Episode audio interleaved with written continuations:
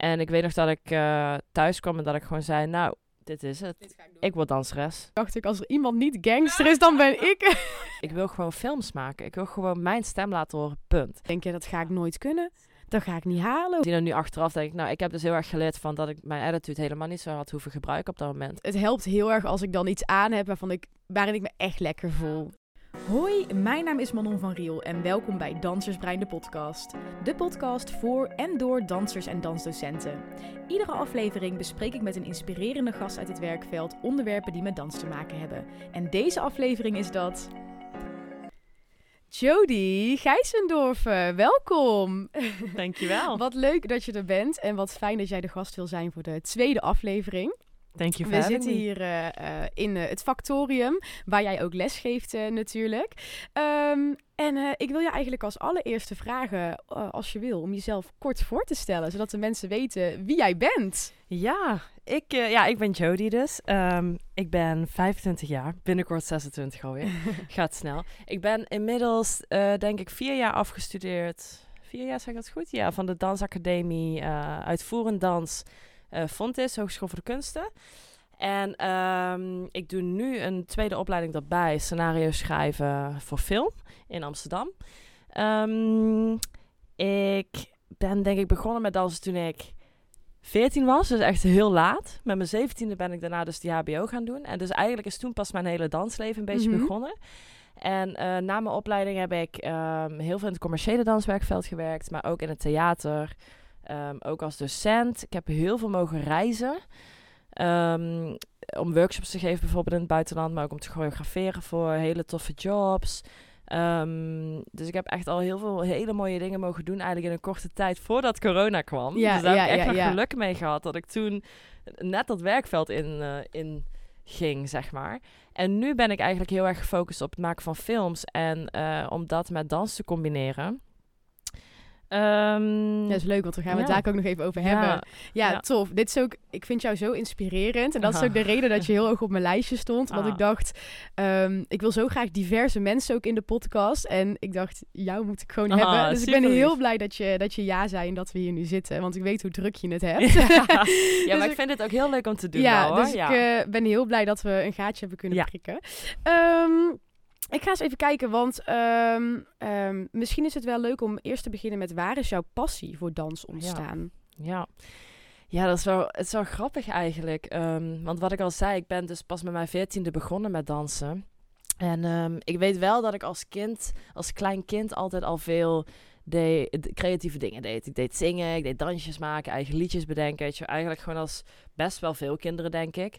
Um, en ik keek heel graag naar MTV en TMF, Oh ja, want dat was de toen... videoclips ja, en zo. videoclips. Ja, ja, ja. Dat was toen echt de shit gewoon. en uh, dat heb je nu niet meer echt tegenwoordig, maar dat was toen heel, heel, een heel ding. En YouTube en dat soort dingen. Dus ik was wel altijd heel erg um, inspired, om het zo te zeggen, Mhm. bij artiesten en kunstenaars. Uh, maar ik kom echt uit een dorpsleventje. Uit een heel traditioneel gezin. Ja. Um, mijn vader is kostwinnaar. Mijn moeder is uh, moeder en huisvrouw. Ja. Zeg maar. Echt heel Mhm. traditioneel gezin. En um, super lieve ouders hoor. Super lief. Maar ja, wel gewoon dorpsmentaliteit. Dus ik deed onbewust al heel veel creatieve dingen. Maar had nog niet echt door dat dat iets was. ja, of maar. dat je daar iets mee kon als werk. Precies, eh, ja, dat was ja, helemaal ja. niet een ding. En toen, uh, ik hockeyde. Oh ja, leuk. randoms. Ja, ik hockeyde. En nou, ik deed best wel veel sporten, maar het was allemaal niks voor mij. En ik, Ja. had, ik had ook al geturnd, dat vond ik wel heel leuk. Dus ik was wel flexibel, dat Ja. soort dingetjes. En toen weet ik nog, toen had ik een, uh, een best vriendinnetje en zij danste. En dat was echt bij zo'n jongerencentrum, zeg maar. Echt Eh, ook in het dorp waar je dorp. woonde? Ja. in het dorp waar ik woonde. En dat, dat, uh, dat centrum heette Jacks. Ja, het was eigenlijk een jongerencentrum waar, waar je gewoon naartoe kon om te gaan chillen of om activiteiten Ja, te doen. van zeg alles was daar Van doen, alles, ja. ja. En toen ben ik met haar meegegaan naar, uh, naar een dansles, gewoon om te kijken. En ik zag die meiden dansen. En ze, ja, dat was dan een choreoles op dat moment, hip-hop. Maar het Ja. was super stoer, super cool. En ik was al een hele stoere meid, om het zo Ja, te ja, ja, zeggen, ja. als kind. En ik zag dat. En ik heb die dansles volgens mij dus toen meteen meegedaan. Mhm. En ik weet nog dat ik uh, thuis kwam en dat ik gewoon zei, nou, dit is het. Dit ga ik doen. Ik word danseres. Tegen Vet. mijn ouders, weet je wel, zo van. En hun dachten, volgens mij in het begin echt van... ehm, jij wordt danseres. Wat ga, wat, Mhm. wat, wat ga je daarmee doen? ja, ja, weet ja, je wel? ja, wordt dat je werk dan? Wordt dat je ja. werk? Kan je daar geld mee verdienen? Maar dat is echt het eerste moment geweest dat ik dacht, dit is het gewoon. Dit moet ik gaan doen. Wat gaaf. En ook Ja. omdat het hip-hop was? Of, of... Ja, ik denk het wel. Ik, ben, ik kom wel sowieso heel erg vanuit de hip-hop scene. Ehm, kijk, wat ik al zei, ik deed, ik deed wel al dansen. Maar Mhm. voor mezelf, ik had het nog nooit geleerd van iemand. Ja. Dus ik freestylde heel veel. En hip-hop is echt een freestyle Ja, eh, scene ja, natuurlijk. ja. Ehm, want het komt natuurlijk, hip-hop is niet alleen dans, hip-hop is MC'ing, het is graffiti, het ja, is DJing, het is veel meer dan alleen... eh, ja. ja. En ehm, maar toen ik daar was, in, dat in dat centrum, dat jongerencentrum, daar kwam die hip-hopcultuur echt tot leven. Eh, daar werd gefreestyled. Daar, daar zag ik de stijlen popping. En ik zag locking en waving en alle substijlen weer daarvan. En dat inspireerde mij zo erg. En ehm, Is dat ook Ja. uniek voor een dorp dan? Want dat zie je wel vaker in de grote stad, heb ik het idee. Ja, ja, klopt. Ik denk het wel. Ik denk dat er eigenlijk stiekem uit Limburg heel veel, toevallig heel veel goede dansers of creatievelingen Mhm. komen op de een of andere manier. Ehm, maar ik moet zeggen, kijk, het was ook maar een klein clubje hoor. Dus het, Ja. we hadden het daar wel, maar het was allemaal Ja. heel klein. En Mhm.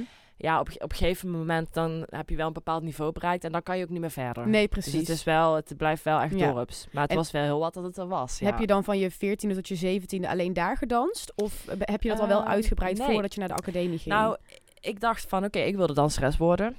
En toen, eh, nou ja, mijn ouders die wisten daar helemaal niks van. Niemand in mijn omgeving Ja, wist daar iets dus je van. was echt Ja, alleen daarin. Ik was daar heel Ja. erg alleen in. En eh, bij dat jongerencentrum ook, daar had je een, eh een Molukse man. Zijn naam is Ted. En hij heeft mij echt onder zijn wing genomen. en een Oh, andere vrouw. Daisy. Ehm, en zij, of nou Ted eigenlijk, hij zei toen tegen mij... Als jij naar een HBO dansacademie wil, dan moet jij ballet kunnen. En toen dacht Ah. ik, shit. Ja, ja daar dat wil je. ik niet. Maar oké, want ik, ik was gewoon die stoere meid, hip-hop Ja. scene. Nou ja. Dus ik dacht eerst, oh, er wordt wat. Maar ja, ik ga het wel doen, want ik wil het, weet Ja. je wel. En ik ben, ik ben een heel ambitieuze, gepassioneerd persoon. Dus whatever ik moet doen, ik Ja. doe het. En ehm, nou ja, toen ben ik begonnen met ballet. En ja, ik voelde me daar in eerste instantie ook absoluut niet in thuis. Ik dacht echt, wat ben ik hier aan het doen? Ja, Ik voelde me veel te, ja, ja, ik weet niet, te boyish of zo Ja, daarvoor, ja. weet je wel. En, ehm, maar ik was flexibel, omdat ik dus had geturnd. En dat scheelde heel veel. En op een gegeven moment, ik heb een keer een knop in mezelf om weten te, dra- te draaien. En dit verhaal vertel ik ook eigenlijk heel vaak in mijn lessen. Ik weet niet of jij dat ooit hebt gehoord. misschien maar ik dat ik gewoon aan de... Of dat ik, ik denk dat ik een film heb gekeken. Misschien Sender Stage of iets Mhm. van Billie Eilish. Ja, maar volgens mij heb je dit iets in die trant. Ja. en ik, ik zag gewoon hoe mooi ballet eigenlijk is, zeg Ja. maar. En wat je er allemaal mee kan. En op een gegeven moment besefte ik bij mezelf... als ik dit wil kunnen, moet ik doen alsof ik dat karakter al ben. Ja, ja. Dus ik moet... En eigenlijk als je daar... manifestatie. Precies. Als ja. je in deze tijden kijkt... Nu weten we daar veel meer vanaf. Dan is het eigenlijk manifestatie. Dus je beeldt jezelf eh, in alsof je al iets kan. Of dat je het al hebt. En dat deed ik. Dus ik stond op een gegeven moment aan de bar met een compleet andere houding. Dus ik Ja. zette die hip-hop eh, wereld van mezelf heel even echt aan de kant. Mhm. En deed alsof ik al die eh, prima Ballerina, ja, was. ja, Ja, ja. En dat hielp zo erg. En vanaf dat moment is die groei gegaan. Maar dat je dat op zo'n jonge leeftijd ook al kan, dat is wel heel knap. Ja, ja. Ik denk onbewust. Ja. Nu achteraf ben ik daar heel bewust van. Ja. En eh, ook als docent zijnde, weet je wel, leer je heel veel dingen over jezelf of hoe je dingen dus hebt gedaan. En nu Ja. kan je dat dan dus specifieker toepassen. Ja. Ik denk dat het toen misschien onbewuster was, maar ehm, ja, ik denk dat als je heel passievol bent, dat je op een gegeven moment wel maniertjes vindt. Ja, om jezelf je moet wel. te pushen. ja, je moet jezelf pushen. Je moet uit je comfort stappen. Dus je Ja. doet het wel. Zo. Tof. Ja. Ja, we gaan je sowieso door alle vragen straks eh, nog Ja. veel beter leren kennen. Misschien is het voor de luisteraars wel leuk om te weten. Jij geeft les op het Factorium op dinsdagavond. Een, eh, een hiphoples en een heelsles voor professionals. Yes. Eh, ik ben die sinds kerst ongeveer komen voor. Ik weet ook Mhm. nog, ik werkte eerst op dinsdag. Oh. En ik dacht, ik, ik moet naar Jodie's lessen. En toen heb ik gezegd, sorry jongens, ik kan Ah. echt niet meer werken op dinsdag. Want ik Ah. moet Oh die lessen God. gaan volgen. Ja, ja, ja. En dat is nog steeds het hoogtepuntje van mijn Oh, week. Omdat ik het zo leuk vind. En het is ook zo anders dan ik doe dan docent dans wat op de academie Ja. krijgen. En ik, ik vind dit echt, hier is nood aan, zeg maar. Oh, Ja. Dat vind ik echt heel lief, Ja, dankjewel. Maar dit, dit is ook nog Wauw. wel een leuk verhaal. Ehm, Ja. Vorig jaar zat ik in de tweede en toen ben ik voor het eerst een les mee komen doen. Waarschijnlijk weet jij dat al niet meer. Zou best Eh, kunnen, Ik nog wel. Ehm, en ik scheet in mijn broek. Ik was zo bang. En ik weet Oh. dat het half zeven was. En ik zat thuis op de bank. en ik dacht, ik ga niet meer. Ik kom niet. Ik blijf hier op de bank zitten. Ik durf niet. En toen waren die lessen geweest. En toen dacht ik, ja, dit is het. Dat werk moet weg op dinsdag. Ik moet dit gaan doen. Oh, wauw. Oh, wat mooi. Maar ik was eerst dus best wel bang, omdat ehm, als je jouw Insta bekijkt, Ja. zie je natuurlijk alleen het eindresultaat. En Ja. dan denk je, dat ga Ja. ik nooit kunnen. Snap ik. Dat ga ik niet halen. Hoe? En dan kom ik in je les en dan leg je alles zo duidelijk uit. En Oh. denk ik, oh ja, chill. Dus ja, dus dat, daar, eh, daar kennen wij Maar elkaar ook van. Maar Ja, maar goed ook dat je dit zegt, want ik denk dat dat ook voor heel veel andere dansers heel belangrijk is om te horen. Dat jij bijvoorbeeld Ja. ook in het begin dacht, oh my god, ik ga ik het zo, wel doen? ik was zo Ja. bang. En toen heb je het gedaan en nu sta je in mijn les en je hebt al zo'n sikke groei Het is- gemaakt. oh ja, my nou, god. Maar het voelt ook steeds beter. Want ehm, ik vind het moeilijk om mezelf dan echt technisch te bekijken. Maar als ik ga naar mijn gevoel en weet hoeveel angst ik had die eerste les. En hoe ik nu echt al kan genieten van maar technisch doe je het ook oh, goed. Ja, die hakken, Ja. die hakken. Ja, hield Ja. is dus op, op hakken. Ja. Dat is nog steeds, eh, nog steeds een beetje zoeken. Ja, maar, ik, tuurlijk. maar ik vind het echt het allerleukste Ja. om te doen. Ja? Ja. Oh, dat Ja. vind ik zo Ja. mooi om te horen. Wauw, echt nice. dus ja, ik eh, ga mijn blaadje Ja. alvast omslaan. Doe ik ook even. Ja, Een beetje mee spieken. want ehm, eh, er zijn heel veel vragen ingestuurd. En ik Ja. heb sommige een beetje gecombineerd met elkaar. Ja. Wat aanvullingen erop gegeven. Want ze zijn ontzettend interessant. Ja. We gaan die vragen of onderwerpen gewoon lekker behandelen. En er lekker over praten. Yes. Ja, helemaal klaar goed. voor de eerste? Ja. Oké, nou dit gaat een beetje terug op jouw eh, ehm, eh, nieuwe filmdingen. Ja. Eh, want buiten dat je danseres, docent en choreograaf bent, ben je nu Mhm. ook bezig met het maken van Ja. korte films, films. Ja. Ehm, hoe is dat in jouw leven gekomen en hoe is dat bijvoorbeeld een verrijking op wat je nu al doet? Ja. Ja, dat is een hele goede vraag. Ehm, het is wel interessant. Ik heb namelijk in, ik denk dat het 2019 was.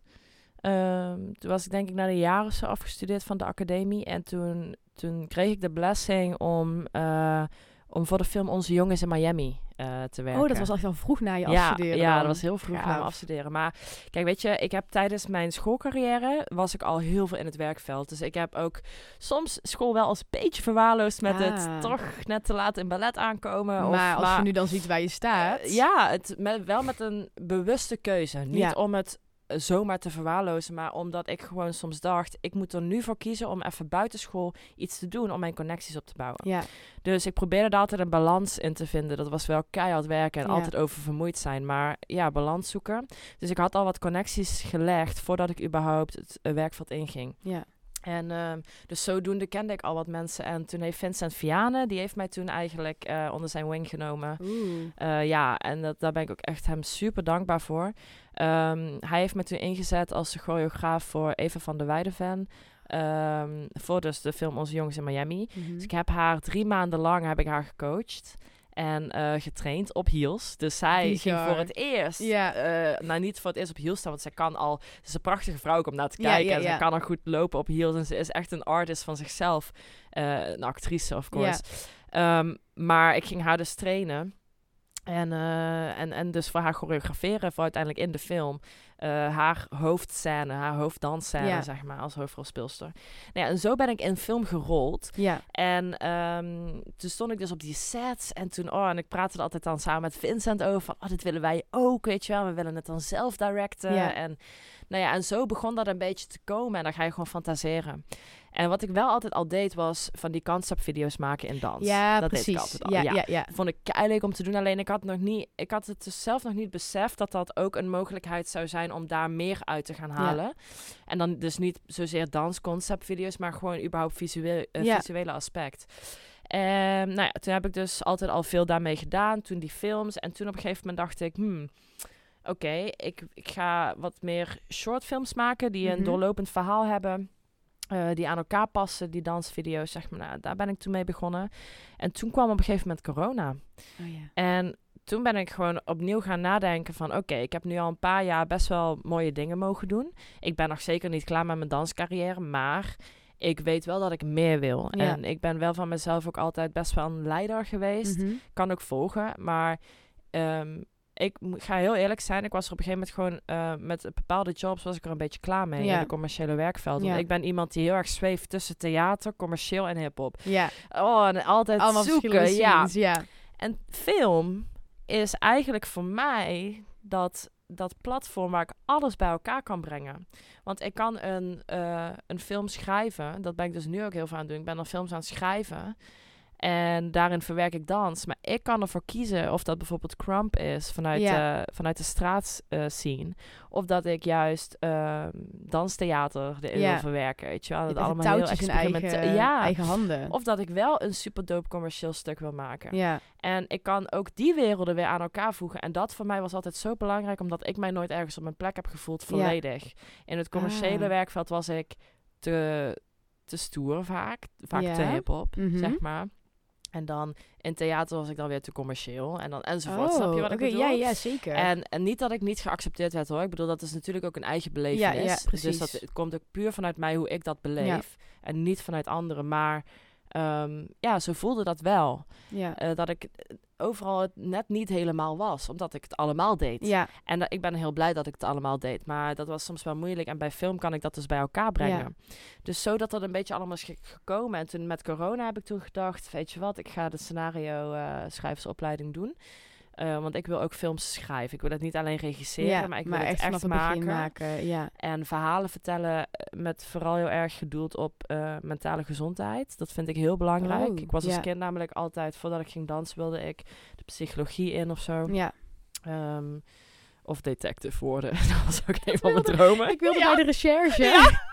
Geweldig. Ja, ik, heb zoveel Flikker Maastricht gekeken. Ja, oh, dat, ik op mijn zestiende dacht, ik wil naar de politie. Oh, geweldig. Ja. Ja, ik eh CSI eh, Miami. Oh dat ja, soort ja, ja, ja, ja, ja. Ja, nou ja, dus, dus zeg maar, ik hield daar altijd al heel erg van. Ja. Crimes, inderdaad. Ja. Zo, maar ook dus mental health. En, en eigenlijk vooral erg de kanten laten zien van een persoon die eh, gewoon niet altijd te zien zijn. Om dus erkenning eh, te vinden of empathie, Mhm. eh, begrip. ehm, en ik heb het gevoel dat soms... Soms ben je in gesprekken en mensen luisteren wel, maar ze horen je niet echt. Omdat ze al heel veel bezig zijn met, met zichzelf. Wat helemaal niet erg is, is geen, is geen judgment, maar dat is wel hoe het gaat. Of ik heb bijvoorbeeld een gesprek met jou Mhm. en ik vertel jou iets en ehm, jij hebt misschien een andere betekenis aan bepaalde woorden dan ik dat heb. Ja, dus dan ben je een ander verhaal aan Ja, het eh, interpreteren. Jij, ja. ja. want dat komt uit jouw ervaring. Ja. Dus ook al als ik zeg dat ik iets geweldig vind, dan kan voor jou geweldig kan net een iets andere betekenis hebben. ja, Even heel simpel gezegd. Maar als je Mhm. dan dus het hebt over diepere dingen, kan het ook zo zijn dat je dus niet altijd begrijpt. En ik, heb, ik heb het idee dat op visueel vlak, dat je oog wordt getriggerd, gaat het dan veel meer om de interpretatie van het gevoel wat je daarvan krijgt. Dus kan dat best wel universeel zijn. Ja, en jij kan met jouw beeld heel erg bepalen waar je de kijker naartoe trekt, Ja. neem ik aan. Ja, precies. En ehm, wij kunnen naar hetzelfde verhaal kijken en allebei net een iets andere interpretatie hebben van Mhm. het specifieke v- ge- eh, verhaal, maar waarschijnlijk wel hetzelfde gevoel. Ja, En dat is heel mooi. En, Ja. da- en daar kan je erkenning in vinden. En dat vond ik altijd heel erg belangrijk. Of, of ook bijvoorbeeld de mensen laten zien die van de buitenkant bewijzen van... Stel je voor je... eh, Je ziet maar één kant van een persoon. Ja. En je denkt die persoon... Ah, she's crazy of Mhm, whatever. mhm. Maar ga dan eens dieper, weet je wel. Ga Ja. daarachter kijken. Waar komt dat dan eigenlijk vandaan? En misschien...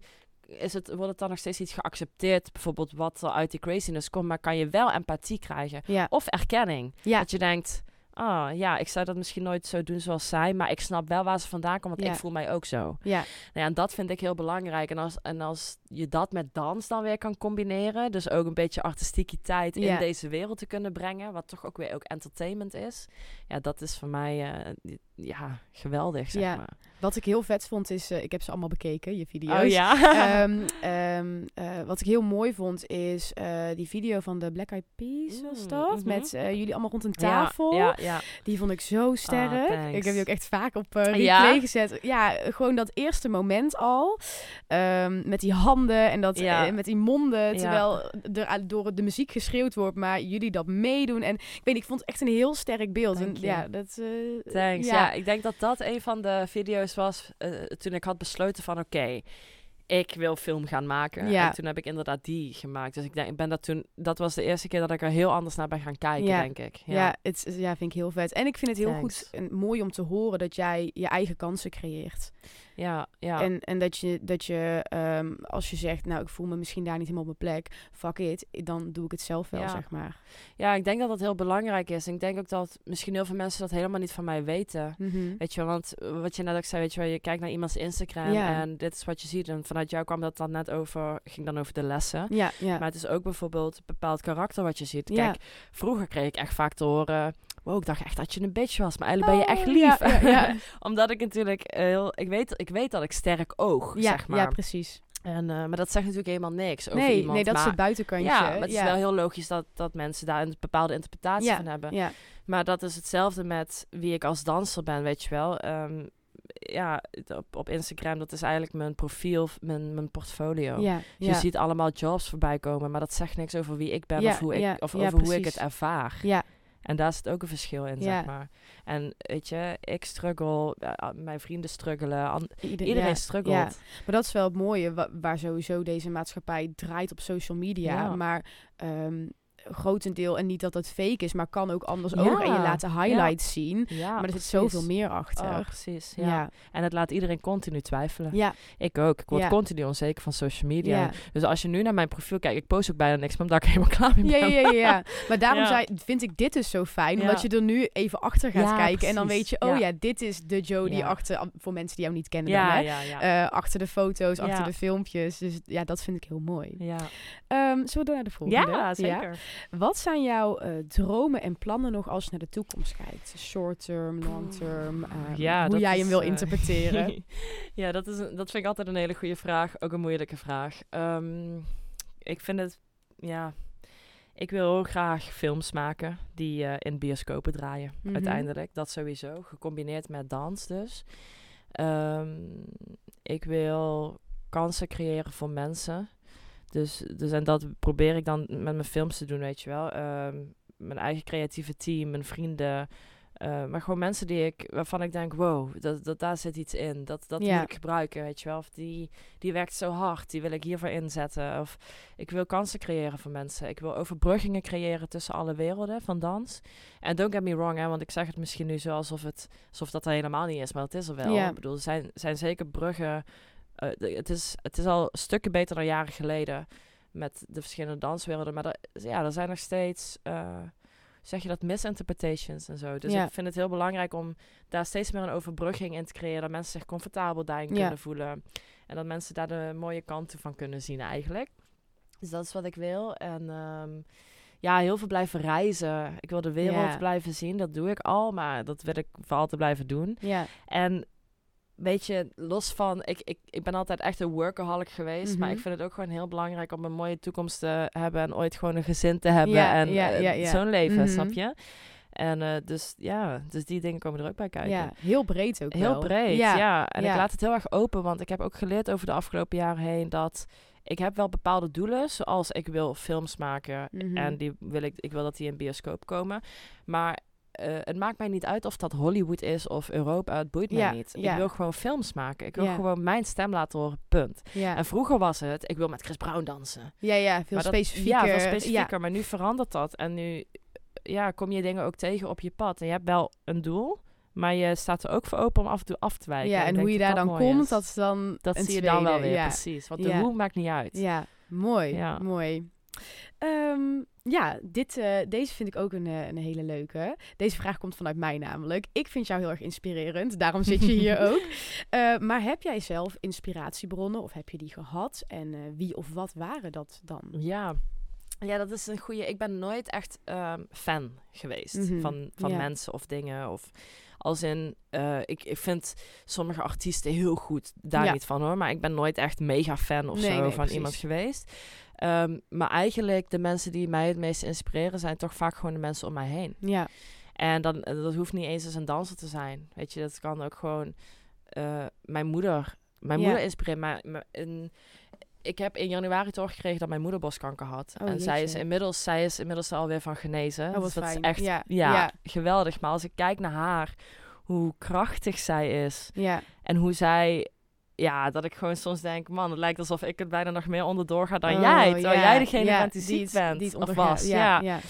En dat is zo sterk en dat inspireert mij. En ja. ja, snap je, dat zijn, dat zijn real life characters waarvan ik denk, wauw, in je hoe directe jij dat doet. Ja, precies. Dus dat inspireert mij heel erg. En, ehm, en zo ook gewoon al mijn vrienden, al mijn close mensen, maar ook de mensen, jullie die naar mijn lessen komen. Mhm. Dat inspireert mij om weer gewoon te denken, wow, ik ga nog iets beters maken voor de volgende keer. Oh, wat gaaf. Snap je? En dat Ja, inspireert mij ja. veel meer dan, eh, Grote, dan grote ja. dansers, grote namen. En dat heb ik ook wel gehad. Bijvoorbeeld vroeger, eh, vroeger nog steeds. Diana Matos vind ik een hele goede Mhm. danseres. Uit, eh, zij woont nu in eh, Amerika, maar zij komt uit Portugal. Mhm. Nou ja, ik heb, en zo zijn er nog veel meer mensen die ik geweldig vind. Sheila Tukulan hier uit Nederland. Maar zoveel andere mensen hier uit Nederland. Er zijn zoveel zieke dansers, choreografen. Maar eh, ja, je wordt ouder en op een gegeven moment denk je... Ja, de dingen die me echt inspireren zijn de mensen daarachter. Gewoon de Ja, personen, zeg ja. maar. Wat mooi. Ja. En hoe heeft dat invloed op ehm, jou, jou als mens natuurlijk sowieso, maar ook misschien op jouw werk of hoe jij eh, dingen aanpakt? Ja, zeker. Want ehm, nou ja, de mensen die mij inspireren, soms gebruik ik dat ook gewoon voor verhalen in mijn films, bijvoorbeeld. Ah, ja. Zeg maar. Ik gebruik eh, meestal de films, of althans wat ik nu aan het schrijven ben, dat komt eigenlijk allemaal vanuit een eigen ervaring. En daar bedenk je dan fictie omheen. Dus het is nooit letterlijk. Maar ehm, ja, dan kan je bijvoorbeeld een situatie met iemand of. Of eh, ja, hoe iemand ergens op reageert, bijvoorbeeld. Ja. Of het ergens dus doorheen gaat. Dat ik dan denk, wow, dat is super inspirerend. Dat onthoud ik wanneer ik dan aan het maken ben. Ja, Weet je wel. En, eh, en qua dans heb ik soms ook wel eens, als ik echt het even niet meer weet, dan ga ik. eh, er is bijvoorbeeld zo'n Aziatische meid. Zij heet Kiyoka. Is een hip Oh, heb jij ook een keer over heb ik verteld in de les. Ja. Oh, zij is ook zo sick. Of Daniela Polanco, ehm, een heels eh, vrouw, ook fucking prachtig. Ja, dan ga ik even naar hun profielen, gewoon puur om naar ze te kijken, Kijken. om geïnspireerd te raken en dan te denken, oh ja, want het is gewoon een vibe. ja. En niet om te kijken naar wat voor steps ze doen, maar echt om te kijken van... Oh ja, oh, dit is Welk een lekkere gevoel zit vibe, welk erin? gevoel. Ja. En dan raak je ook weer geïnspireerd en denk je... Oké, nu kan ik weer. Weet Ja. je? Dus op die Ja. manier gebruik ik dat ook wel, zeg maar, voor mijn lessen bijvoorbeeld. Ja. mooi, heel mooi om te horen. Ehm, dit, is, dit is meteen een hele interessante en die sluit misschien ook wel een beetje aan. Maar hoe ben jij op je eigen dansstijl en eigenheid gekomen? Want Ja. dit is dus heel leuk. Sinds ik bij jou dans, eh, voel ik altijd die schoudertjes Ah, en van ja. die specifieke dingen eh, Ja. die jij in je lessen hebt. Eh, maar hoe, hoe is dat ontstaan? Wat grappig, Ja, ja. Ja, ehm, nou ja, ik, ik, toen ik, ik begon dus met dansen toen ik 14 was. Mhm. En ik begon al met lesgeven toen ik 15 was. Want in zo'n dorp, zeg Ja, maar, ja, ons kent ons, Ja, ja, dat gaat best snel. Dat gaat heel snel. Ik had toen mijn eigen lesje opgezet, letterlijk. Mijn eigen factures gemaakt. Niet dat ik wist hoe dat moest, maar nou ja, dat soort Goed dingen. Weet je, ja, ja, echt zelf opgezet. Ehm, dus ik begon al les te geven, ook al kon ik helemaal geen les geven. Maar het was aan mijn zusje en haar vriendinnen, weet je wel zo. Ja, ja, ja. Toen al, het moment dat ik echt begon met dansen, ben ik meteen gaan creëren al. En ik, alleen heb ik mezelf nooit gezien als choreograaf. Ah. Ik zag mezelf echt puur als uitvoerend danser. En Ja. die gewoon les gaf ook om, ook om geld te verdienen. Ook Ja. omdat ik het leuk vind. Maar Ja. weet je wel, niet per se als in dat is mijn einddoel of zo. Ehm, en nou ja, zo ben ik dus al heel jong begonnen daarmee. En toen kwam ik op Fontes terecht. Nou ja, dan krijg je hele andere soort invloeden. Theater, weet je wel. En daarin werd wel ook al eens tegen mij gezegd... vind je het niet interessant om Bach te gaan doen? Dus choreografen mhm. eh, richting. En toen zei ik, nee, nee. Want ik, ik dacht, ja, dat is alleen maar danstheater. En dat wilde ik dan niet, Nee. weet je wel. En ik, ik vind danstheater geweldig, gewoon, maar niet van mij als Ja. maker, zeg maar. En dat is het beeld wat ik toen had. Hè. En ik weet Mhm. helemaal niet of dat zo is. Maar ja, en toen, eh, nou ja, toen... Je blijft eigenlijk op een gegeven moment gewoon dingen exploreren. En ik nam zelf heel veel lessen.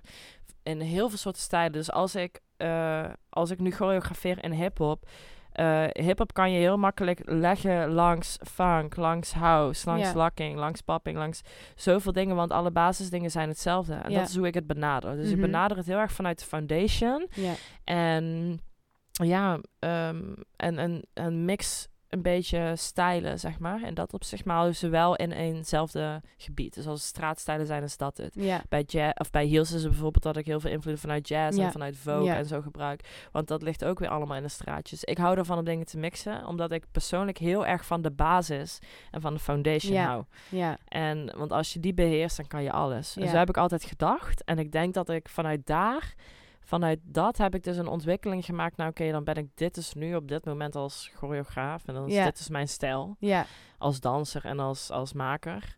Maar die blijft wel altijd ontwikkelen. Dus voor Ja. mijn gevoel heb ik hem nog steeds niet. dat was ook meteen Ja. de tweede vraag. Is dat eh, nog in ontwikkeling? Ja, en, 100%. Ja, dat blijft denk ik ook wel 100%. altijd. eh, Als ik nu kijk naar wat ik vorig jaar maakte en wat ik nu maakte, is dat alweer zo'n verschil. Snap Ja. je? En het blijft wel vanuit dezelfde basis komen, maar ja, dat blijft altijd ontwikkelen. En het is ook maar net waar je je op focust. Want Ja. ik focus mij dus ook niet maar op één ding. Ik ben altijd allround danseres geweest. Mhm. Dus ik, als ik nu, op dit moment geef ik alleen nog maar twee lessen in de week, maar vroeger gaf ik negen lessen in de week Ja. in verschillende stijlen. ja, En dan moet je elke, voor alles de hele tijd choreograferen.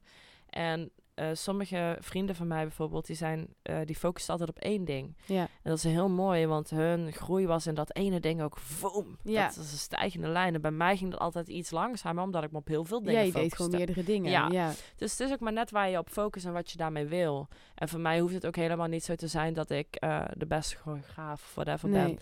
Ehm, ik geef ook überhaupt les omdat ik mensen iets wil leren en de Ja. basis wil leren of confidence wil meegeven. Ja. Of, en niet omdat ik, eh, omdat ik vind dat ik zelf de beste dingen maak. Absoluut niet. Snap je? Dus dat is ook weer Ja. een andere insteek. Dus zo, ja, je dansstijl blijft altijd ontwikkelen. Maar het is maar net waar je op focust op dat moment of zo. Ja. Dit is ook wel een mooi bruggetje, eh, want de tweede vraag was meteen: hoe zit dan dan eh, met jou als docent? Ja. Hoe zou jij je als docent omschrijven? Ja, ik denk dat ik een docent ben die. ehm, ik geef om de groei van Ja. mijn studenten heel erg. Ik geef er heel erg om dat, ik- dat ik jullie iets leer en dat ik jullie naar een volgend punt breng. Ehm, en dat ik jullie vooral help te groeien in je, je comfortabeler voelen, je sterker Ja. voelen, je zelfverzekerder voelen. Ehm, of misschien juist geïnspireerd voelen of blij voelen. Ja. Zeg maar dat soort. Dus de hele positieve emoties Ja. hoop ik er heel erg uit te halen. En wel met ook een stijgende lijn in je techniek. Want Ja. ik hou ook heel erg, wat ik al zei, van foundation en Ja, techniek. ja, ja. Maar niet omdat ik wil dat jij naar mijn les komt en dan dat jij die choreo op het eind van de les killt. Want I don't, I don't give a fuck Mhm. about that. Ja, I don't give a fuck. Want dat als, als jij in mijn les komt en je kilt op het eind die choreo. Nou ja, superleuk dat je die toevallig op dat moment hebt gekild. Maar als je een slechte dag had gehad, had je dat misschien niet gedaan. ja En precies. dat zegt dus helemaal niks over wie jij bent als persoon of danser. Snap je? Dus ik denk dat, ehm, dat dat is mijn focus heel erg als, als docent. Om jou het gewoon te helpen groeien naar een bepaald punt. Zonder dat jij het gevoel hebt dat je met pressure in mijn les moet staan de hele tijd. En als je dat wel wil, dan moet je ook naar andere lessen gaan. ja, ja. Snap je? En ehm, dus ik denk dat dat voor mij mijn doel als docent heel erg is. En wie ik ben. Ik probeer het heel duidelijk inderdaad uit te leggen. Hoop dat ik dat ook doe. Ja, absoluut. En ik kan het bevestigen. Ja. gelukkig, gelukkig. Het is ook een lange weg geweest hoor. Zoals ik al Mhm. zei, ik ben nu 26 en ik, ja, ik geef dus al 10 jaar of zo les. Ja, Of 25 ben ik, wauw. Eh, ik geef 10 jaar ja, les. bijna 26. Bijna, ja. Dus om hier überhaupt te komen wie ik nu als docent ben, heeft me Mhm. ook echt lang gekost. Want Ja. in het begin dacht ik wel dat ik vijf keer, of vijf keer, tien keer acht choreo moest kunnen geven in een les. En dat Mhm. we de- die choreo af moesten krijgen.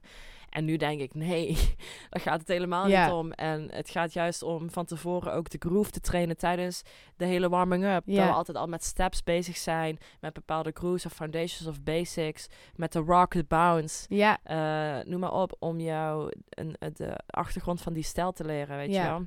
Maar dat is heel Ja. prettig, want daardoor, als we dan de choreo gaan doen, Ja. zit je er al zoveel meer in. Ja. Want dan zit je al een beetje in die vibe en dan kan je hem veel makkelijker doorpakken. Dus het precies. werkt heel fijn. Ja, het is ook belangrijk om die opwarming te hebben. Ik, be- ik ben bijvoorbeeld nu begonnen met Crump. En, ehm, of officieel, laat ik het zo zeggen. Ik ben Mhm. officieel begonnen met. Crump te, te, te studeren. En ik merk altijd het eerste half uur voel ik me echt fucking crap. En dan na dat half uur, dan zit ik er zo in. En dan denk ik, ah, nu begin ik mezelf te voelen. En Oh, dat is voor jullie precies hetzelfde. Met hip-hop bijvoorbeeld. Of weet je, het is altijd als er iets wat nieuwer is, dan moet je echt even die opbouw krijgen en dan voel je het en dan kan je ook gaan. Als ik bij jullie binnenkom en ik doe alleen maar een stretch en we gaan dan een choreo, dan denk je echt, dan- ja, wat ben ik aan het doen? Wat ik ook wel grappig vond, is, en dat heeft ook wel hiermee te maken, maar ehm, de eerste lessen, een beetje in het begin, toen ik bij jou ging volgen, toen zei je altijd, ja, het is echt lekker gangster. En toen dacht ik, als er iemand niet gangster is, dan ben ik. ja. en toen, ehm, eh, toen ben ik dat knopje van schaamte gewoon uit gaan zetten. ja, En ja. nu denk ik, oké, ik ga er gewoon even helemaal in. En het maakt niet uit hoe het eruit ziet. Het voelt al zoveel lekkerder. Ja, maar dat zie ik ook. Dat, Dat- zie ik ook ja. echt. Je hebt daar echt inderdaad ook in hiphop. Want bij Heels had ik ook wel verwacht dat dat die eh, lijn sneller zou Mhm. gaan, omdat je ook een technische achtergrond natuurlijk Ja. echt hebt. Ehm, en hip-hop is altijd spannend, want er zit, ehm, ja, er zit zoveel achter eigenlijk, achter Ja. die, ehm, ja, die scene. Dus het is altijd spannend. Hoe gaat die groei zijn, weet Ja, je wel? ja, en, ja. en dus, maar ik zie echt dat jij daar een knop in hebt omgezet. En dat is het belangrijkste. Dat is hetzelfde als Oh, ik fijn. dat met ballet deed. Zo heb jij dat nu met hip-hop Mhm. gedaan. Jij bent in een karakter gedoken en dan zie je dus die groei. Ja. En dat is echt, dat is echt sick. Dus dat moet je echt vasthouden, ja. Dat is echt heel yes, mooi. thanks. Ja. Ja. en mijn kleding heeft ook geholpen hoor. Ja, Want ik Dat begon klopt. in mijn dat legging. klopt. dat In mijn legging met mijn strakke shirtje. Ja, ja, En als ik nu die video's terugkijk, dan lach ik mezelf soms een beetje uit, maar dat mag. Ja, En nu lekker, die wijde kleding helpt Ja. zo goed. ja, dat is echt goed dat je dat hebt gedaan. Ik, Ja. heb dat, ik zeg dat ook één keer in de zoveel tijd, zeg dat ook in mijn lessen van guys. Jullie moeten even ja. andere kleding aandoen. En niet omdat ik je kleding niet leuk vind, maar omdat het helpt. ja, het helpt echt. Het helpt zo erg. Als ik namelijk bijvoorbeeld bij heels ook, als je in de spiegel kijkt en je staat, je staat daar en je ziet er voor je gevoel echt niet uit die dag, ja, dan is het al veel moeilijker om je sexy Ja. te voelen. Dat is gewoon zo. Ja, ik heb ook wel eens van die dagen hoor, dat ik gewoon niet super lekker in mijn vel Ja. zit. Eh, en dan trek ik, wat ik ook aantrek, dan Ja. voel ik me eigenlijk kut. En dan ben ik eigenlijk de hele les bezig met zien dat ik er niet chill uitzie voor mezelf. En dat probeer ik dan zo uit te zetten. Ja, Eh, Ja, maar het helpt, ik. het helpt heel erg als ik dan iets aan heb waarvan ik, waarin ik me echt lekker ja, voel. precies. Ja. Precies. Ja, Ja. nice. Zullen we door naar de volgende? We gaan echt goed. Lekker. Ehm, ja, deze hebben we gehad. Dit vind ik ook. eh, dit, is een, dit is een vraag die, eh, die binnen is gekomen. Mhm. Waar ben jij het meest eh, trots op? En dan beginnen we op Oeh. carrièregebied. Zo. Ja. Ik ben heel benieuwd. Pah, waar ben ik het meest trots Misschien op? ook wel heel lastig om te kiezen of zo. Ja, ehm, ja, ik, ik- ja, ik ben ook een heel kritisch persoon. Dus ik, eh, ik moet echt altijd dit soort dingen heel erg forceren om ook tegen mezelf te zeggen van, Ja. je mag trots zijn. Of Ja. Je mag blij zijn, snap je? Ja. Een kritisch persoon bedoel ik op mezelf. Helemaal ja, niet op anderen eigenlijk, maar echt heel erg op mezelf. Ehm, dus daar moet ik even echt over nadenken. Waar ben ik het meest trots op? is lastig, Zo, hè? ja, is lastig. Ehm, Je hebt ook zoveel highlights. ja, ja, ja, ja. Tenminste, als ik het Ja. zo zie natuurlijk, hè? Ja. Ehm, Ja, en de tweede vraag is eigenlijk meteen los van je carrière. Ik weet niet of die makkelijker is. of... ehm, nou ja, wat ik misschien... eh, eh, Het is moeilijk om één ding te zeggen. Ja. Ook omdat ik een vrij uiteenlopende carrière Ja. heb. Dus Ja, echt zoveel verschillende gebieden, zeg maar.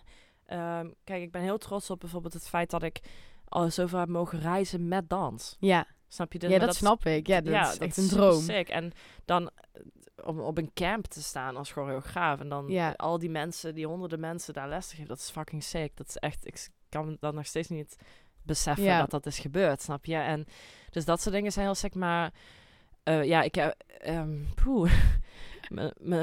Waar ik trots op ben, denk ik, is mijn, mijn allereerste officiële job. Ehm, was in mijn st- stagejaar Vrienden van Amstel. Er waren 14 concerten Oh, in. Ahoy. Ja, Dus dat was bijvoorbeeld een hele toffe iets. Daar ben ik trots op, omdat dat gewoon een van mijn eerste officiële dingen was. Dus snap je? Dus. Het heeft allemaal een andere betekenis. Maar ik denk op dit moment, ook waar ik nu ben... Ik heb vorig jaar voor het eerst een ontwikkelingssubsidie binnengehaald.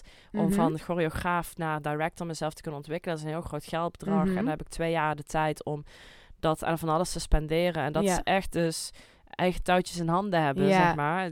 Echt mijn eigen baas in dat op zich zijn. Ja. Voor mezelf werken en niet voor, niet voor een andere opdrachtgever. Ja. Ik denk dat ik daar misschien dan toch wel het meest trots op ben. Ehm, omdat ik, eh, ja, ik weet niet, voor jezelf werken...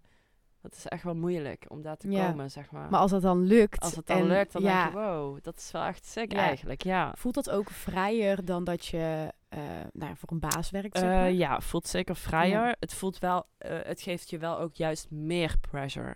Want Ja. jij moet het wel doen. ja, ja. Mhm. En ik, ik geloof me, er zijn echt vaak avonden dat ik echt jankend thuis zit. Of in Mhm. de auto, dat ik gewoon echt denk, hoe ga ik dit nou weer doen? Hoe ga ik dit nou weer oplossen, snap je? En eh, ik ben ook wel iemand die ook niet zo, zo goed om hulp kan vragen. Of, niet- of Mhm. niet zo goed weet hoe ik dat dan moet doen. Dus ik doe het maar allemaal gewoon zelf, weet je wel zo. Dus en soms is dat veel te veel. Dus ik, moet daar, ik ben daar ook heel erg nog steeds in aan het leren om. Ja. Dus maar ja, ik ben dan wel trots daarop dat het. Ik weet niet, ik ben denk ik gewoon trots op dat ik hiervan kan leven. Ja. Dat is echt eh, zo'n grote blessing. Dat maar is ik echt niet denk normaal. dat je daar ook heel trots op mag zijn. Ja. En, eh, want de cultuursector is niet de makkelijkste sector. Nee, absoluut. Nee, en, absoluut. en eh, hoe mooi is het als je je leven mag vullen met werk, wat je ook daadwerkelijk Ja. echt heel leuk ja, vindt. precies. Ja, ja. ja. dat zie ik sowieso ook wel als een blessing. Ja, ja, ik denk ook dat het inderdaad vooral heel erg... Het zit, ja, trots. Het zit heel erg op de dankbaarheid Ja, ook gewoon, ja. snap je? Dat Mhm. komt een beetje Ja. bij elkaar in de buurt, I guess. Ja, Ja, ik hoop ook, als ik dan naar mezelf kijk, dat ik dit voor de rest van mijn leven Ja, mag blijven doen. Ja, precies. Ja. Ja, ja. ja. Nou, we gaan door naar de volgende. Ehm, dit eh, vind ik wel een mooi. Althans, ik denk dat jij hier heel goed advies voor hebt. Mhm. Heb je advies of tips voor mensen die onzeker zijn tijdens het performen of bijvoorbeeld staan in een dansles? Mhm. Ehm, ja, en die, daar die onzeker zijn, eh, die er nog niet meer uitkomen. Ja. Ehm, nou, als het gaat om een dansles bijvoorbeeld. O- Hoe ik het zelf altijd heb gedaan was dit. Ik volgde heel veel lessen in de week, ook na Mhm. school. En ik zorgde er altijd voor dat ik naar eh, een paar lessen ging die uit mijn comfort waren. wa- waardoor ik dus eigenlijk onzeker in de dansles stond, zeg maar. En wat mij hielp om uiteindelijk zeker door in die danslessen te staan, was door in andere danslessen te staan waarvan ik zeker wist dat ik het zou killen. Ah, ja, dus je Waarvan pakt ik al wist dat ik het naast goed elkaar. had. Ja, eh, precies. Het ding is namelijk, als jij alleen maar dingen doet in je leven waar je nog niet goed in bent, oh, dat is echt zo zwaar. Ja. Want eh, je zelfbeeld verandert gewoon omdat jij heel weinig bevestiging krijgt. Mhm. En je zelfbeeld kan heel snel daardoor shiften. ja. En I, I've been through that, laat ik Ja, het zo zeggen. mhm. Ehm, en nog steeds soms, snap je? En dus ik zeg ook altijd weer tegen mezelf: oké, nu moet je even iets gaan doen waar je al goed in bent. Zodat je jezelf even weer kan laten inzien dat je wel wat kan. Ja, dat je je? echt Ja. lekker voelt. En dat, dan, ja, dat is misschien heel stom, maar dat is echt de beste. ja, het klinkt manier, heel logisch juist. Ja, Ja. want daardoor ga je ook in die andere danslessen staan waar je iets minder comfortabel bent. Ehm, maar op een manier van. Ja, ik weet niet, je wordt überhaupt iets zelfverzekerder door, door die dingen waar je al goed Ja. in bent, snap je? Dus daardoor shift die onzekerheid ook weer in die danslessen. Ga ook naar lessen in het begin, bouw het op. Ga naar lessen waarvan je weet dat je je daar fijn bij voelt. Ja. Dus waar je bijvoorbeeld je docent fijn vindt, of juist de mensen die in de les staan fijn vindt. Of, ehm, en dan, zo, vanuit daar ga je steeds meer een stapje nemen naar dingen die je moeilijker vindt. Ja. Ehm, want waar, ik denk dat wij heel vaak de mis in gaan dat we meteen de hoogst, het hoogst gegrepen. Of het, weet Ja. je wel, of je, je bent getraind in ballet en je gaat eh crump doen. Ja. Bij iemand die je niet kent. En dat is ook heel moeilijk, dat is ook super eng. Maar ga dan, als je zo graag crump wil volgen, ga dan bij iemand crump volgen waarvan je de docent al kent. Bijvoorbeeld, snap je? Waar je vertrouwen bij voelt. Ja. Dus Ja. op die manier, ik denk, dat je, ik denk dat dat heel belangrijk is. Want al die, eigenlijk die externe dingen, dat is bepalend voor hoe jij je voelt. Ja. Niet zozeer jezelf de hele tijd. Het is Mhm. veel met de externe factoren. Ja, een beetje de omgeving. Ja. Ja, ja, ja. Dus ik denk dat dat al heel erg helpt. Ehm, ja, en ehm, ja, heel erg je eigen waarde in mogen gaan zien. Dus als je bijvoorbeeld in een les staat, ik zeg dat tegen jullie ook best wel vaak op het eind van de les van oké, denk nu na over wat je goed hebt gedaan. Ja, ja. En niet over wat je slecht hebt gedaan, Ja. want dat, dat weet je wel. Dat doe je, dat doe je toch Mhm. al. Wij, automatisch denken wij, oké, dit had beter gekund. Oh, ik moet echt nog hier aan werken. Mhm. Die inner criticus. Ja. Iedereen doet dat, elk Ja. mens. Absoluut. Super normaal. Maar ga dan ook oprecht tegen jezelf zeggen, maar dit heb ik wel goed gedaan. Ja. En dat kan ook, dat kan letterlijk zijn dat je vandaag met je haren hebt losgedanst en dat je dat Ja. normaal nooit doet. Ja. Maar dat is al een stap. Het zijn de kleine Het dingetjes. zijn de kleine dingen. Ja. En dat is hetzelfde als in het leven. Het zijn de kleine dingen die jou uiteindelijk gelukkig maken. Of laten groeien. En dat is ook zo in dans. Dus je moet altijd de afweging nemen. Oké, wat is wel goed? Ja. Waar voel ik me wel comfortabel? Waar ben ik wel al goed in? ja. Ik denk dat dat heel belangrijk is. Ja, hele mooie. Ja. Ja. Dat heb ik ook, ook dat heb ik ervaren. Alles wat je nu vertelt, Ja? maar dat komt ook omdat je dat als docent heel erg meegeeft. Dus je gaat daar ook op letten, maar ook dat heb ik ervaren. En voor mij was mijn doel bijvoorbeeld soms heel erg niet bezig zijn met die filmpjes op het einde. Ja, ja, Genieten en dansen en het maakt niet uit als het fout gaat. En het filmpje maakt ook niet uit, want ik kan deze les iedere week volgen. ja. Er hoeft geen perfect filmpje Ja, uit te ja, komen. ja, het maakt ja. niet uit. En dat heeft voor mij ook een beetje zo de druk ja, weggehaald. goed zo. Ja, dat was heel prettig. Nice, super fijn. Deze vind ik heel interessant, want ehm jij hebt op ehm ehm, Fontes gestudeerd. Ja. De, uit, eh, de uitvoerende Ja. urban Ja, eh, ja. Contemporary Urban heette dat toen, de tijd ja, nog. ja, precies. Hoe heb jij die tijd ervaren op de academie? Ehm, ja, dat is een hele goede vraag. Ik ben ontzettend dankbaar dat ik naar Fontes ben gegaan. Ja? Terwijl eh, ik dat echt niet per se altijd zo heb gevoeld. Nee. Was er van tevoren, heb je ook bij andere academische audities gedaan? Of wist je van tevoren Eh, al het ik heb bij Fontes? AHK. Ik heb Mhm. alleen bij AHK een Fontes auditie Ah, gedaan. Ja. ik wist gewoon niet beter, zeg maar. ja, ja, ja, logisch hoor. Dus ik had die twee maar gedaan en het moest een van die twee zijn. Ja. En eh AHK ben ik niet aangenomen.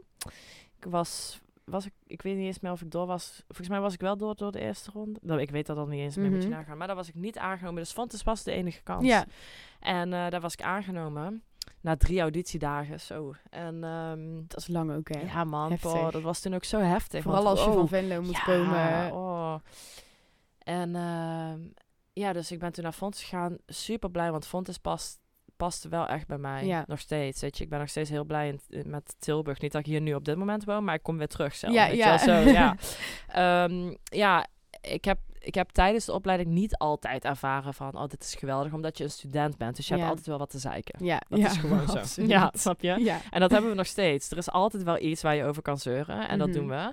Dat doe je als mens. Ehm, en dan als je er later over na gaat denken, dan besef je in één keer, wow, ja. ik heb hier echt veel aan gehad. En eh, eh, mijn tijd op Fontes was gewoon geweldig in een... eh, omdat ik... Nou, ik heb eigenlijk mijn eerste jaar heb ik overnieuw gedaan. Omdat Mhm. ik geblesseerd raakte. Oh. Dus mijn hamstring was ingescheurd. Oh, En shit. ik kon niet meer lopen, kon niks. Het was al in de eerste drie maanden. Maar dat kwam gewoon omdat ik vanuit eigenlijk zo onervaren training... Weet je, ik trainde wel, maar niet zoals op een academie. Eh, ja, veel te snel, veel te lenig Alles voor mijn kracht. ja. Ja, dat, dat werkte allemaal helemaal niet. Ehm, en dat is het beste wat mij had kunnen overkomen. Ja? Want eh, ik, de klas waar ik eerst dus in zat... Nog steeds heb ik daar hele goede vrienden uit, Mhm. uit eh, overgehouden. Mijn beste vriendin, bijvoorbeeld Eva. Shout-out. maar eh, maar die, de tweede klas waar ik daarna in kwam... daar zaten veel meer hip-hop mensen in Ah, in die ja. klas. En dat was voor mij heel fijn, want ik had daardoor wel iets meer aanspraak, Connectie, connectie. ja. ja. Ehm, en ik had dat wel nodig, eh, ook omdat ik toen juist ook een groei kon gaan maken in mijn technische kant, contemporary Ja. ballet en zo, omdat ik me niet meteen onderaan de bodem voelde, zeg maar. En bij die andere klassen zaten wat meer technische mensen in. En ja, dat was gewoon een ander soort klas. En de klas waar ik dus toen in kwam, die, die was eigenlijk voor mij als persoon qua energie en vibe perfect. Dus ik had een superleuke klas op Fontes. Ja. Heb ik echt geluk mee gehad. Heel veel ook harde werkers en Ja. weet je wel. Dus dat was heel nice. Ik heb altijd wel echt een hele grote schommeling gehad tussen wil ik nou theater doen, wil ik nou commercieel doen. Ik Ja. snap het allemaal niet meer. Fontes die sporten op dat moment commercieel niet echt heel erg. Nee, dat idee heb, had ik dus ook heel erg. Ja, maar die- ik weet het niet zo goed, want nee, ik heb niet heel veel kennis over de uitvoerende Ja. Nee, het, wordt, het is echt wel gefocust op theater. Ja, hè? heel Ja, erg. En ja. dan echt, echt theater. Dus eh, Jan Fabre, ehm, ja, eh, Wim van de Keibus, ehm, Isabel Bendar. Ja, ik kan, ik kan echt heel veel namen. Ja. Sidi Labi, Akram Khan. Ja, ja, ja, Geweldige ja. companies ook al, by the way. Geweldig.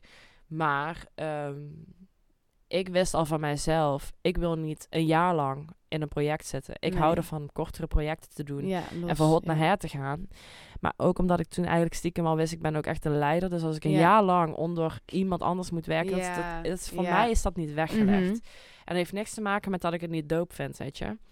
Maar, daar, maar ja, ik vond dus, eh, ja, die geloofde toen niet echt in het commerciële werkveld. En ik had altijd zoiets van, in elk werkveld zit iets moois. Ja, En, eh, maar ja, iedereen heeft zijn vooroordelen daarover, weet je wel. Dus ik zocht toen heel erg naar die balans.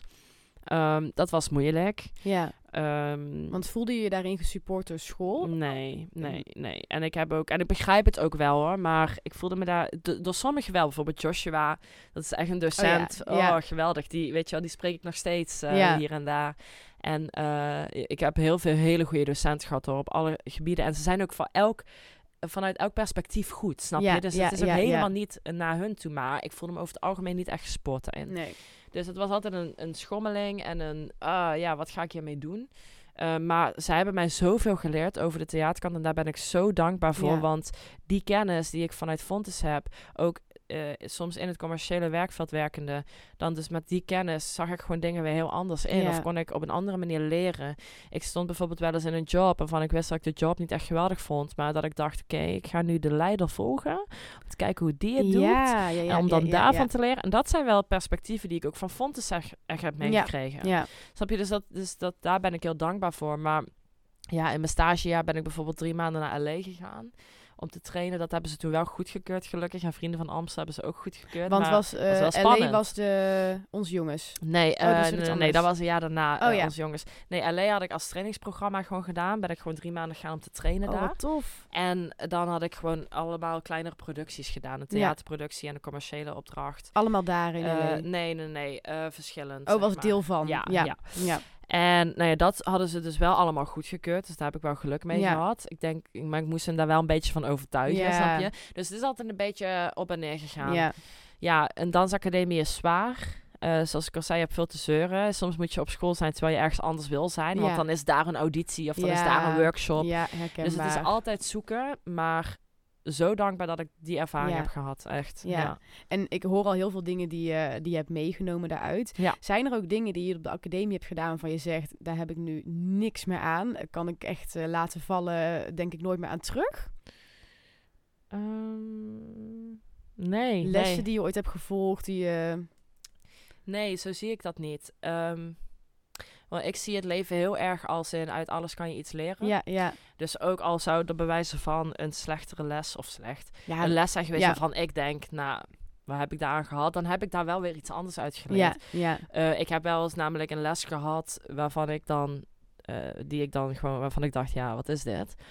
En ehm, dat het mijn attitude dat ook liet zien, bijvoorbeeld. ja. mhm. Tja, je bent jong en je bent rebels. En nou ja, je attitude laat het dan zien. En nu achteraf denk ik, nou, ik heb dus heel erg geleerd van dat ik mijn attitude helemaal niet zo had hoeven gebruiken op dat moment. Ja. Dat ik ook gewoon Ja. wel open in die les had kunnen staan. Ja, En er ook iets anders uit had kunnen halen. Snap je? Dus dat leert mij heel veel over mijzelf en wat ik beter had kunnen doen. ja. Dus niet zozeer over, oh, dat was een, een slechte les of whatever. Mhm. Maar ik had het zelf ook anders kunnen doen. ja. Dus ja. ik denk dus uit dat, ja, alles neem je iets uit mee. alles neem je iets ja. mee. Ja. Mooi. Ja, Dus ook misschien voor iedereen die nu nog op de academie zit. ja. Blijf open. ja zeker. Ehm, de volgende, eh, en deze werd ook ingestuurd, en daar ben ik ook wel een beetje benieuwd naar. Ehm, hoe kwam je in aanmerking voor het eh, dansen in tv-programma's? Eh, hoe gaan die dingen? Want dat is natuurlijk wel een stukje ik. commercieel. En aangezien school dat misschien niet fully supporten, hoe, ehm, ja, hoe ben je daar terecht gekomen? Ja, ik, ja ik, moet, ik moet heel eerlijk zeggen dat wel Instagram het echt voor mij heeft gedaan. Ja, jouw En- eigen ja. persoonlijke pagina? Ja, ja, Mhm. ja, ja, want mijn persoonlijke pagina heb ik ook eh, altijd al heel erg gebruikt als dansersprofiel. Ja, precies. Dus ik heb ook heel weinig eh, eigen dingen geplaatst. En op een gegeven moment toen ik echt die omslag maakte van oké, ik wil werken in het commerciële werkveld. Dan moet ik dus online eh, een portfolio hebben waarop mensen mijn eh, headshots kunnen zien, mijn bodyshots en Ja. al mijn stijlen. Dat je gewoon kan zeggen, kan, hier, bam. kijk Ja, maar. dit en, ben eh, ik. dit is het. Dit is mijn ja. online cv. Ja, En dat moet in Nederland. Want wanneer zijn er überhaupt audities hier? Amper. ja dat, de- ik ben dus ook altijd het rondkijken. Ja. Ik vind het zo lastig Er om zijn te heel vinden. weinig Ja. audities. Dus, eh, en ja, ik kom ook maar eens zo'n auditie door. Want heel Nederland komt dan meteen Ja. op af. Snap je? Ja. Dus het is echt Mhm. moeilijk. Ja, Ehm, dus je moet heel erg in de kringen komen. En dat Ja. is echt... Oh, ik haatte dat altijd als mensen dat tegen mij zeiden. Maar het is wel echt waar. ja, ik geloof het ook meteen. Maar Ja. volgens mij is het niet leuk om daarin te beginnen, zeg nee, maar. het is moeilijk. Ehm, ik, heb, eh, ik heb toen dus gedacht van... Oké, ik ga dus gewoon op mijn profiel online focussen. En ik, echt, ik raad het nog steeds iedereen aan. Het Ja. is zo belangrijk. En het is niet chill. Om, omdat... Ja, je wilt niet continu bezig zijn met social media. En zoals we eerder al zeiden, dat kan je ook heel onzeker maken. Ja. Maar je moet even die knop omzetten en denken... Dit is mijn pagina. ja. Ik post gewoon dit. Het gaat er niet om hoeveel likes ik krijg. Of het gaat hoeveel... erom dat gaat je mensen iemand door kan ziet. sturen. Ja. Iemand moet het zien, want toen ik in LA was om te trainen en ik post ook video's van daar, toen kreeg ik een berichtje van Timo Steffens op Instagram Oh, heeft in jou mijn gewoon DM. Hij heeft mij bericht en ik dacht echt, what the fuck. Ik zie zeg maar zijn naam, Timo Steffens en ik denk, ik weet nog dat, Dat ik, was met een vriend van mij en ik zeg, oh mijn god, ik had nog niet eens geopend. ging door jou Ja, heen? ik dacht echt, dit, is niet waar, dit is niet waar, dit geloof ik niet. Nou ja, en want je, ja, je bent in je stagejaar Ja. en je bent ook nog op zoek en je denkt, ah, en hoe ga ik dit doen? Dus ehm, ja, als zo iemand jou dan bericht, dan weet je gewoon, dit kan een kans zijn. Weet je wel, dit kan een kans zijn. En ja, dus hij berichtte mij en toen vroeg hij eigenlijk aan mij, wat is jouw lengte? Wat zijn eh, jouw stijlen? Dus toen dacht ik, oké, hij, hij is me serieus aan het Wat consideren voor een job. Ja. Want anders vraagt hij dat niet. En ik wist nog niet welke. Nou ja, dus ik mijn informatie doorgestuurd. Ik zit daar in LA, weet je wel, nog tijdsverschil Oh en zo. god. Ik was echt helemaal, ja, dat is fucking sick hoe dat ging. flabbergasted, zeg maar. Ja, en ja. toen... eh, ja, en toen kreeg ik dan dat berichtje of een mail een paar dagen later van Vrienden van Amstel. Dus dat is echt via Instagram gegaan. En ook daarbij weer, Vincent Vianen heeft mij ook via Instagram eh, Ja. gezien. En mensen stuurden gewoon mijn video's door, weet je Ja, wel, of ja. taggen. Of, maar als jij gewoon, als jij in ieder geval toen de tijd naar mijn profiel zou gaan, dan zag je echt, dit is een uitvoerend danser. Ja, Het is een commerciële Ja. uitvoerend danser.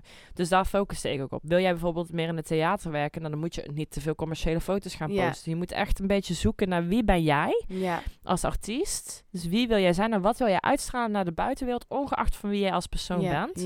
En wat zijn jouw doelen? En dat ga jij posten. En zo kom je echt wel in die kringen. Los daarvan, bij de juiste mensen les volgen is belangrijk. ja, Als jij bijvoorbeeld bij mij les volgt en ik krijg... eh, ik heb bijvoorbeeld een tijdje geleden, vorig jaar, had ik een opdracht voor Adidas eh, X Disney. En dat was dan vooral op kids gericht en Ja. twee volwassen modellen.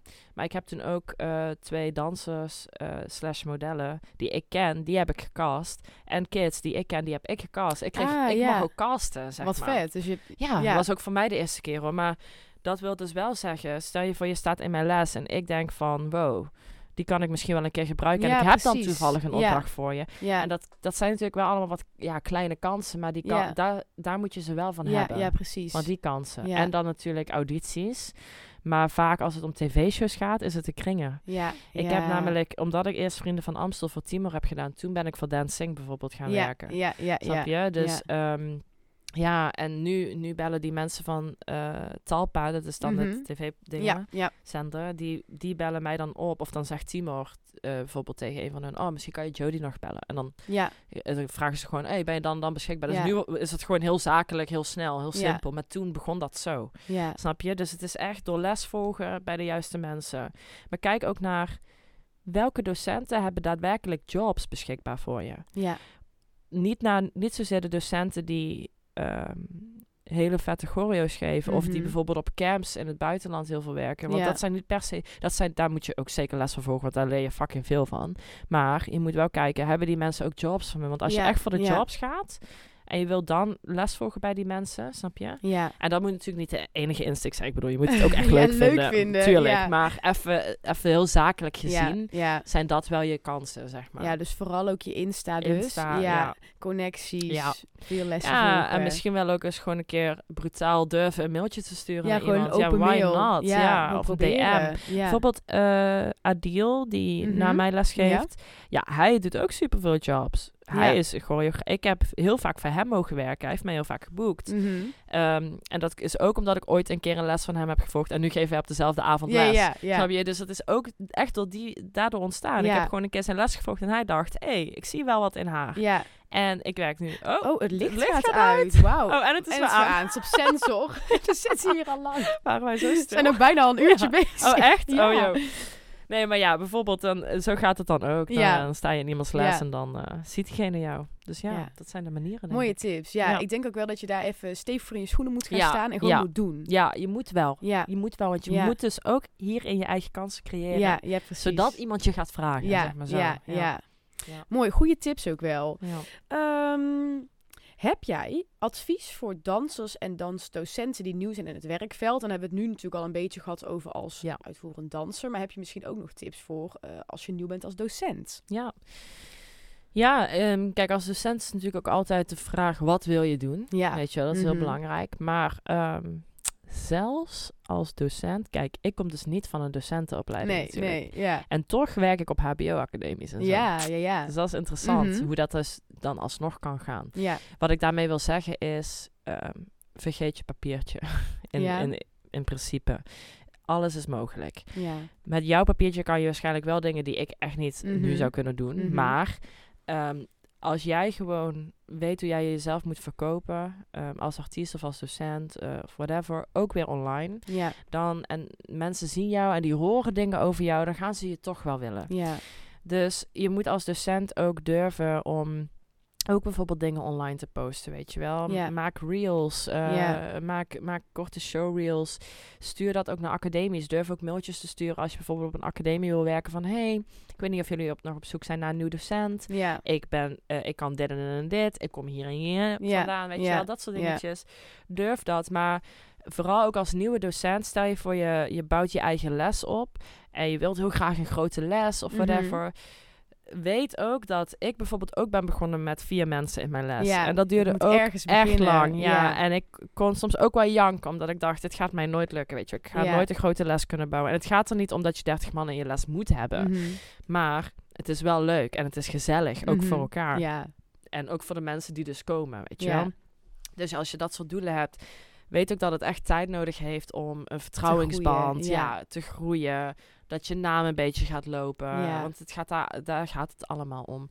En vertrouw er ook op dat het jaren duurt voordat jij jouw manier hebt gevonden Ja. die echt bij je past, weet je ja wel. echt een stukje in jezelf gaan zoeken. Ja, Ja, en durf ook, ik, ik denk dat, ik vind het heel belangrijk, eh, als ik vanuit docent spreek, dat jij een stukje persoonlijkheid toepast Ja. op jouw docentenschap. ja, En als nieuwe docent, ook in het werkveld, durf dat ook te doen. ja. Durf vooral gewoon jezelf te zijn. En je hoeft niet ehm, perfect of op de regeltjes of Mhm. whatever. Nee, als jij namelijk, als jij weet wat je doet, dat is belangrijk. Ja. Als jij weet wat je doet, als jij weet wat jouw opbouw van jouw les is, waar jij achter staat, snap je dat, dat de informatie die je geeft, dat dat goed is. Ehm, maakt niet uit of je choreo sick is. ja. Als jij weet hoe jij je choreo kan uitleggen, dat jij vanuit een bepaalde techniek iemand wat kan leren en iemand kan laten groeien. Ja. Als, dat allemaal, als jij dat allemaal weet, dan mag je super zelfverzekerd in je schoenen staan. ja. En dan kan je alle regels loslaten, want je hebt toch al een goede lesopbouw.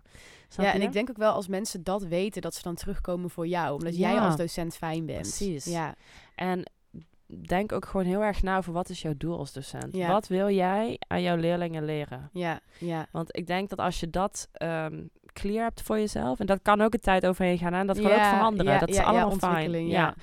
Maar als je dat duidelijk hebt voor jezelf, dan weet je ook waar je naartoe werkt in je lessen. Mhm. En jouw studenten voelen dat ook. Ja, ja. En zij voelen zich ook gewaardeerd. En dan groei je samen als groep. En dat is Ja, dat echt is mooi. prachtig. Ja. Ja, en wat ik sowieso, wat ik heel erg hoor hieruit ook, maar wat ik ook wel ervaar in dit werkveld, is dat je jezelf echt naar buiten moet brengen. Het, het ligt niet voor je neus. Je nee, moet echt nee, je moet echt jezelf laten werken. zien. Mensen, moet- je netwerk, mensen moeten weten wie je bent. Ja, vooral als je wat grotere doelen hebt. Zeg maar, als het voor jou niet uitmaakt op welke school jij werkt, dan Ja. doet het er allemaal niet Ja. zoveel toe. Maar als dat voor jou wel wat uitmaakt, of Ja. als je elke keer ja, jezelf wil blijven ontwikkelen, dan is dat wel belangrijk. ja. En daar komen waarschijnlijk ook altijd kansen uit waarvan jij niet had gedacht dat die ooit zouden kunnen komen. Ja, ja, niet- dat je, wat je niet eens kan bedenken. ja. Snap je? Ik heb soms dingen mogen doen waarvan ik echt dacht, hè?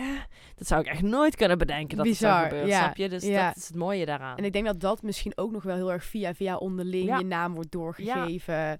Ja, ja, mooi is dat. Ik denk ook dat je als je er eenmaal in zit, dat het dan gaat rollen. Ja, En dat precies. het dat beginnetje is waar je Precies, even ja. En het begin is het moeilijkst. Ja. Maar je moet niet opgeven. Nee.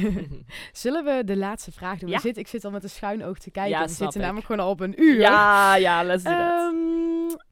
En dit is wel mooi, want dit is ook de laatste die ik per se eh, nog wilde doen. Ja. En deze vind ik ook wel heel belangrijk.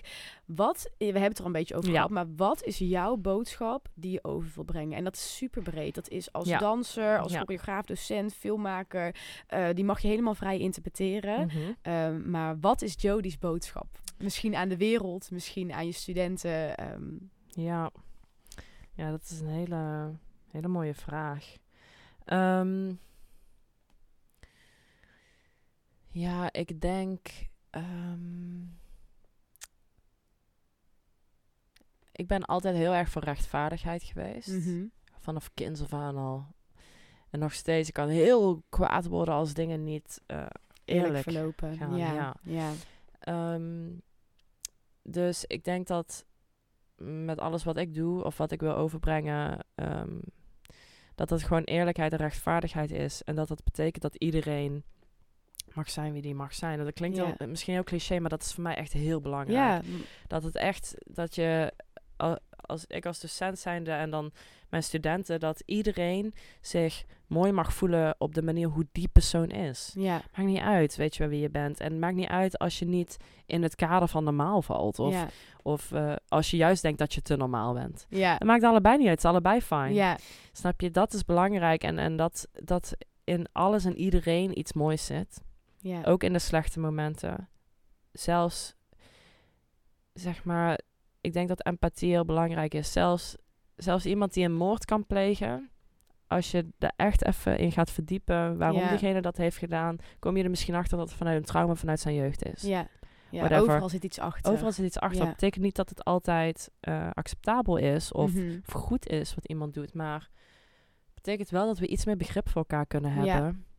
En ja, ik weet niet, luisteren naar elkaar, elkaar zien. Ja, En ehm, ik denk dat dat in al mijn, mijn kunstdingen gewoon heel belangrijk is. Ja. Ehm, ja, je gewoon vrij voelen Ja. en, eh, en goed voelen.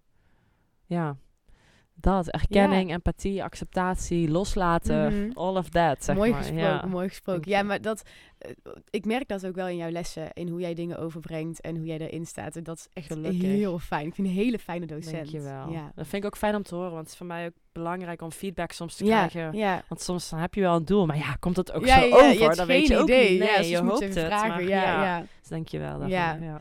Jody, ik wil jou heel erg bedanken. We ik hebben jou ook. gewoon eh, een uur en vijf minuten gekletst, maar met hele waardevolle informatie. Ehm, dus ik wil je heel erg bedanken dat je er was. Thank you for having me. Ja, echt ja, heel ik eh, leuk. vond het ook een eer dat je hier zat en eh, ik ben heel blij dat je er was. Dankjewel. Dankjewel. We zijn alweer aan het einde gekomen van deze aflevering. Heel erg bedankt voor het luisteren. Vond je de aflevering nou leuk? Vergeet dan niet om je te abonneren op Spotify, Apple Podcasts en op YouTube. Heb jij nou ook een vraag of onderwerp waar je meer over wil weten? Stuur deze dan in via onze Facebook of Instagram, Dansersbrein de podcast. En ga ons ook zeker even volgen als je op de hoogte wil blijven van alle nieuwtjes. Volgende aflevering zijn we terug met een nieuwe inspirerende gast. Tot dan!